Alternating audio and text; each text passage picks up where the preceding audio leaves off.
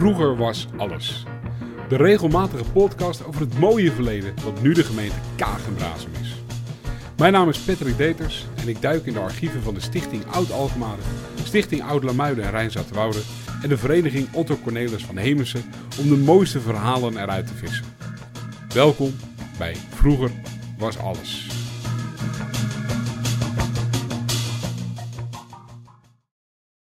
Na een aantal dagen thuiszitten komt zijn zwager met een advertentie op te proppen.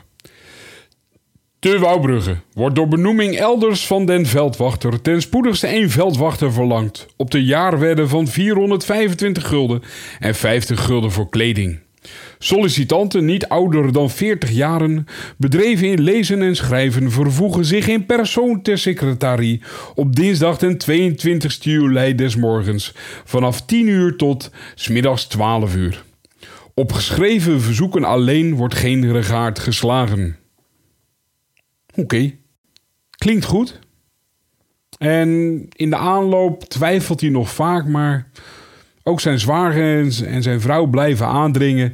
En vlak voor die 22e wordt de kaart er maar eens bijgepakt om uit te zoeken waar dat Wouwbrugge dan wel moest liggen. Uh, u begrijpt, er is weinig veranderd door de tijd heen, want die vraag wordt nog heel vaak gesteld. Oké, okay, Wouwbrugge, een klein dorpje ten oosten van Leiden en ten noorden van Alphen. En dan Alphen met een F, want sinds 1918 pas is het Alphen met PH. We weten nu waar het ligt en nu moeten we er nog komen. Er wordt gekozen voor een stoomboot. Een stoomboot uit Amsterdam naar Oude Wetering. En daar wordt dan overgestapt op een schuit richting Wouwbrugge. Uiteindelijk 5 voor 12 is Otto Cornelis in Wouwbrugge. Maar hij weet het gemeentehuis redelijk snel te vinden. En hij is even voor 12 binnen. En volgens zijn eigen memoires ging de deur naar hem op slot. En hoorde hij een paar minuten later nog geklopt, maar er werd niemand binnengelaten. Er volgt een gesprek met de burgemeester en hij wordt aangenomen. Uiteindelijk op 1 augustus 1884 begint zijn loopbaan als veldwachter van Wouwbrugge en Hoogmade. En dat, het eerste begin is een brand in een hooiberg na een dagje zeilwedstrijden. Het is op zich niet de beste of slechtste tijd in Wouwbrugge. Er zijn een paar dingen die niet lekker gaan. Na de geboorte van zijn derde kind overlijdt zijn vrouw. Maar na een half jaartje heeft hij kennis gekregen aan een nieuwe vrouw. Jantje van der Laan. En zij komt uit Wouwbrugge. En zij trouwen ook. En hij kent haar al redelijk goed, want ook daar was zij zijn buurmeisje. Ik begin er hier ook in een soort thema te ontdekken. Een andere grote boosdoener van de relatie in Wouwbrugge was een burgemeester. De burgemeester De Ridder. En volgens de memoires van Van Hemens een ongelovig man en naar mijn zijde een vreemdmetselaar. Oeh, dat zijn de ergste. Nee, die burgemeester probeerde ook echt het leven van Van Hemessen zo moeilijk mogelijk te maken. En uiteindelijk escaleerde dat ook. En er werd een valse aanklacht door de burgemeester opgesteld tegen Van Hemessen, waarin die zich heeft laten omkopen. Omkopen voor een riksdaalder om het doodslaan van een paar ganzen niet te melden. Terwijl Van Hemessen in zijn eigen papieren juist genoteerd heeft dat hij een glas hooibrouw bier heeft afgeslagen om onpartijdig te kunnen blijven. Mooi woord, hooibrouw bier. Uh, het, het, is een verloren bier. Online kan je nog wel een paar dingetjes vinden, maar de mooiste omschrijving die ik vond was dat van een slap, troebel, bovengistend bier. Voornamelijk om de dorst te lessen tijdens de warme dagen van het oogsten van het gras. Kijk, dat moest vroeger gewoon nog met een zeis gebeuren. En daarna moest al dat uh, gras verzameld worden, op een wagen getild worden en met de hand vervoerd worden naar hooibergen. Het was een uitermate dorstig werk, want het gebeurde in de zomer. En dit bier werd op de boerderij zelf gebrouwen. Juist om te zorgen dat je iets te drinken kon bieden. Wat het mensen lekker vonden. Maar het was ook laag in promillage. Het soort evenementenbier. Want ja, die mensen zijn nog steeds met een zeis aan de gang. En je wil niet, nou ja, dat hoef ik voor de rest niet te schetsen, hoop ik. En dus dit hooibrouwbier was een lokaal product op de boerderijen zelf. En ja, een beetje de radler van die tijd. Maar terug naar die afvalse aangifte. En die kwam uiteindelijk in de handen van een officier van justitie... die Van Hemessen redelijk goed kende. En hij kon zich niet voorstellen van Van Hemessen dat hij dit zou doen. En die officier van justitie stuurt twee Alphense veldwachters op stap om te onderzoeken... en die komen al snel uit hoe de vork aan de steel zit. Het, het, het leidt tot een reprimande richting de ridder... En uiteindelijk wordt de burgemeester aangeklaagd, ook nog door een lokale arts, op onzedelijke handelswijze. En hij wordt ontslagen wegens een zogenaamde vlaag van krankzinnigheid en zielsgebreken. Ah, dat is een mooie term. En met de nieuwe burgervader Wiegers kon hij het iets beter vinden, hoewel er ook wel aanvaringen waren. Aanvaringen in de zin dat Van Van Hemessen stond bekend bij iedereen als de veldwachter die alles wilde weten van de geschiedenis. En als er iets oud werd gevonden, dan, dan werd dat ook naar de veldwachter gebracht. Er zijn foto's waarin je zijn werkkamer ziet, waar heel veel snuisterijen liggen die niks met het veldwachterschap te maken hebben. En ook de burgemeesters ontdekten de, de veldwachter nog wel eens op patrouille, zonder sabel, maar met een schep.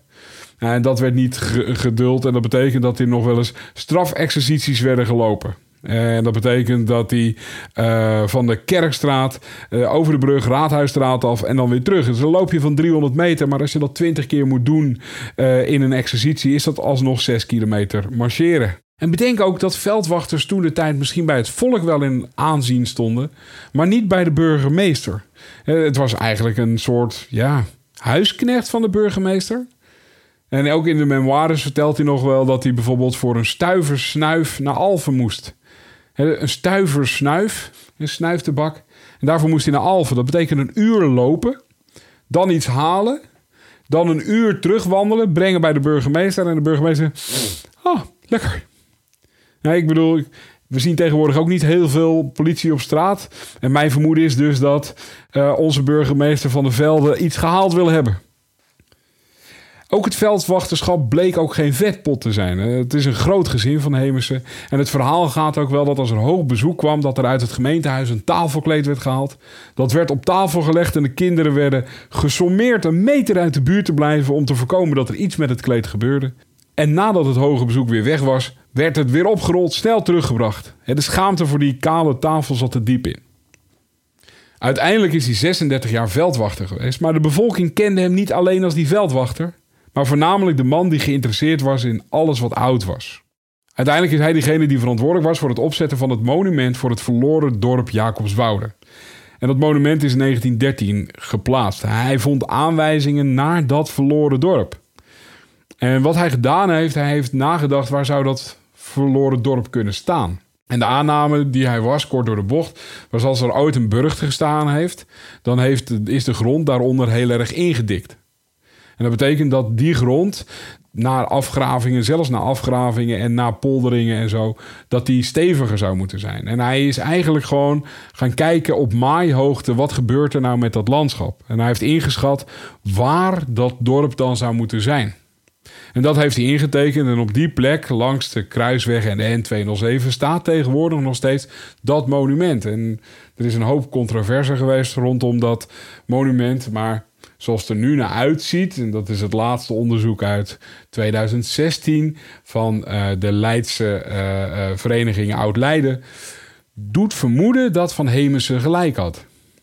En dat dat dus inderdaad een verloren gewaand dorp geweest is. En daar is Jacobswoude ook naar vernoemd. Uiteindelijk is de man dus 36 jaar veldwachter geweest. En in 1920 ging hij met pensioen. Maar hij bleef schrijven. Hij bleef graven in de geschiedenis en in 1927 wordt hij benoemd tot ambtenaar belast met de zaken van het oud archief van de gemeente Wouwbrugge.